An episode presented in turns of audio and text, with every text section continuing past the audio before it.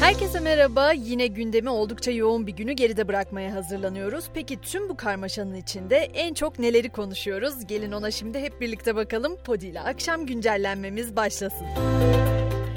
Milyonları ilgilendiren asgari ücrete ilişkin görüşmelerde bugün üçüncü toplantı yapıldı. Türk İş görüşme sonrası asgari ücret teklifini açıkladı. Teklifimiz 9 bin lira diyen Türk İş Genel Başkanı Atalay altında bir rakam olursa masada olmayacaklarını söyledi. Meclis de bugün hareketliydi. CHP lideri Kılıçdaroğlu İstanbul Büyükşehir Belediye Başkanı İmamoğlu'nun da katıldığı grup toplantısında İmamoğlu'na verilen cezayı eleştirdi. İlişkimiz baba oğul ilişkisi gibidir sözleriyle de İmamoğlu'na sahip çıktı. Öte yandan Ekrem İmamoğlu'nun grup toplantısına giderken konuşma metni hazırladığı ancak kürsüde kendisine söz verilmediği de kulislerde konuşulanlar arasında.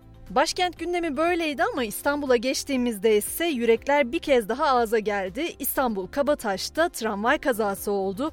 Raydan çıkan tramvay elektrik direğine çarparak durabildi. Kazada 4 yolcu yaralandı, tramvay seferleri de durdu.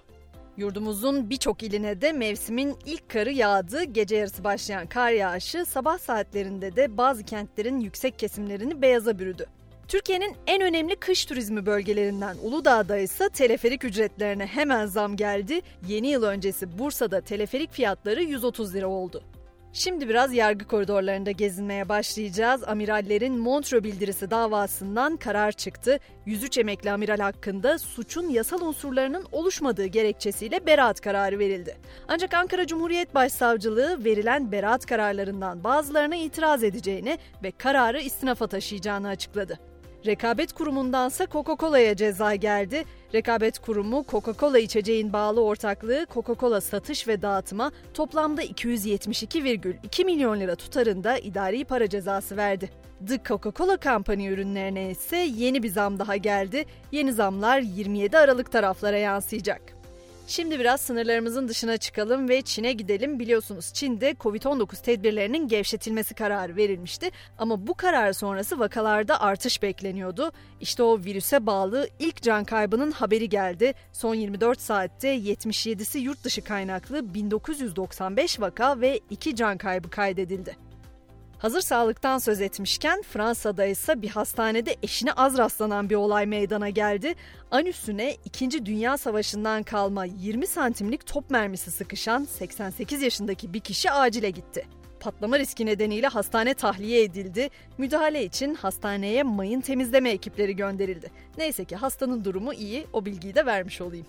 Şimdi sosyal medyada çokça konuştuğumuz konu istifa anketiydi dün Twitter CEO'su Elon Musk açmıştı. Ama anket sonuçlarını pek beğenmedi Musk ve kuralları değiştirmeye karar verdi. Musk bundan sonra önemli meselelerde sadece paralı üyelerin oy kullanabileceğini söyledi.